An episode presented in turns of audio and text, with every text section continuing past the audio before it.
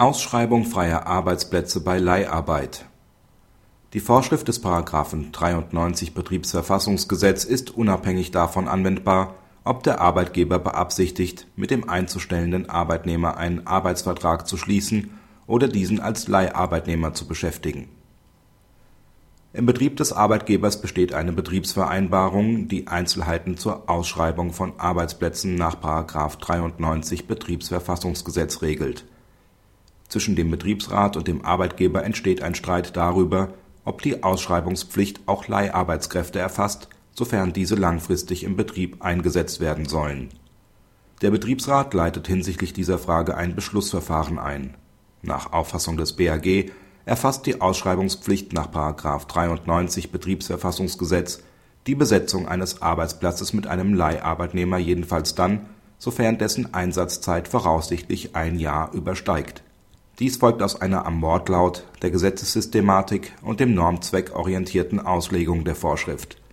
Nach dem eindeutigen Wortlaut der Norm kann der Betriebsrat die innerbetriebliche Ausschreibung von sämtlichen Arbeitsplätzen verlangen, die der Arbeitgeber zu besetzen beabsichtigt das Gesetz stellt insoweit nicht auf die Art und den Inhalt des Rechtsverhältnisses ab, das dieser Beschäftigung zugrunde liegt.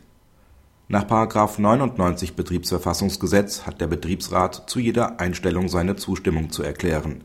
Hierzu gehört auch der Einsatz von Leiharbeitnehmern im Entleiherbetrieb. Die Zustimmung kann insbesondere verweigert werden, wenn die Ausschreibung des Arbeitsplatzes nach § 93 Betriebsverfassungsgesetz unterblieben ist die Normierung eines entsprechenden Zustimmungsverweigerungsgrundes wäre sinnlos, wenn Arbeitsplätze von Leiharbeitnehmern nicht von der Ausschreibungspflicht erfasst würden. Darüber hinaus soll es die Vorschrift dem Betriebsrat ermöglichen, durch eine entsprechende Bekanntmachung der freien Beschäftigungsmöglichkeit den innerbetrieblichen Arbeitsmarkt zu aktivieren. Die im Betrieb beschäftigten Arbeitnehmer sollen die Gelegenheit erhalten, sich auf die zu besetzenden Arbeitsplätze zu bewerben Dabei soll auch einer Beschäftigung Außenstehender trotz im Betrieb vorhandener Beschäftigungsmöglichkeiten entgegengewirkt werden. Aus diesem Grund ist die Vorschrift unbeschadet der Tatsache anzuwenden, dass dem Arbeitgeber das letzte Entscheidungsrecht hinsichtlich der Besetzung zusteht. Der Arbeitgeber kann in bestimmten ausdrücklich normierten Fällen sogar verpflichtet sein, bei ihm beschäftigten Arbeitnehmern bei der Stellenbesetzung den Vorrang einzuräumen dies gilt etwa für schwerbehinderte Arbeitnehmer, soweit ihr bisheriger Arbeitsplatz nicht mehr behinderungsadäquat ist, oder für die Berücksichtigung eines Teilzeitbeschäftigten Arbeitnehmers, der den Wunsch nach einer Verlängerung seiner Arbeitszeit angezeigt hat. Praxishinweis Die Entscheidung verdeutlicht den hohen Stellenwert der Ausschreibungsregeln im Betriebsverfassungsrecht.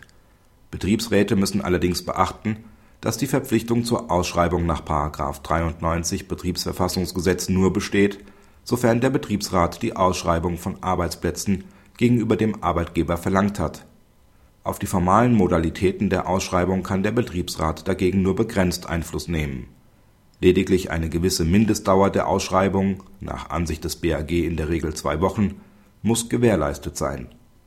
Offen gelassen hat das Gericht die Frage, ob die Ausschreibungspflicht auch dann greift wenn ein Arbeitsplatz nur kurzzeitig mit einem Leiharbeitnehmer besetzt werden soll oder wenn es zu einem vom Arbeitgeber veranlassten Austausch von Leiharbeitnehmern kommt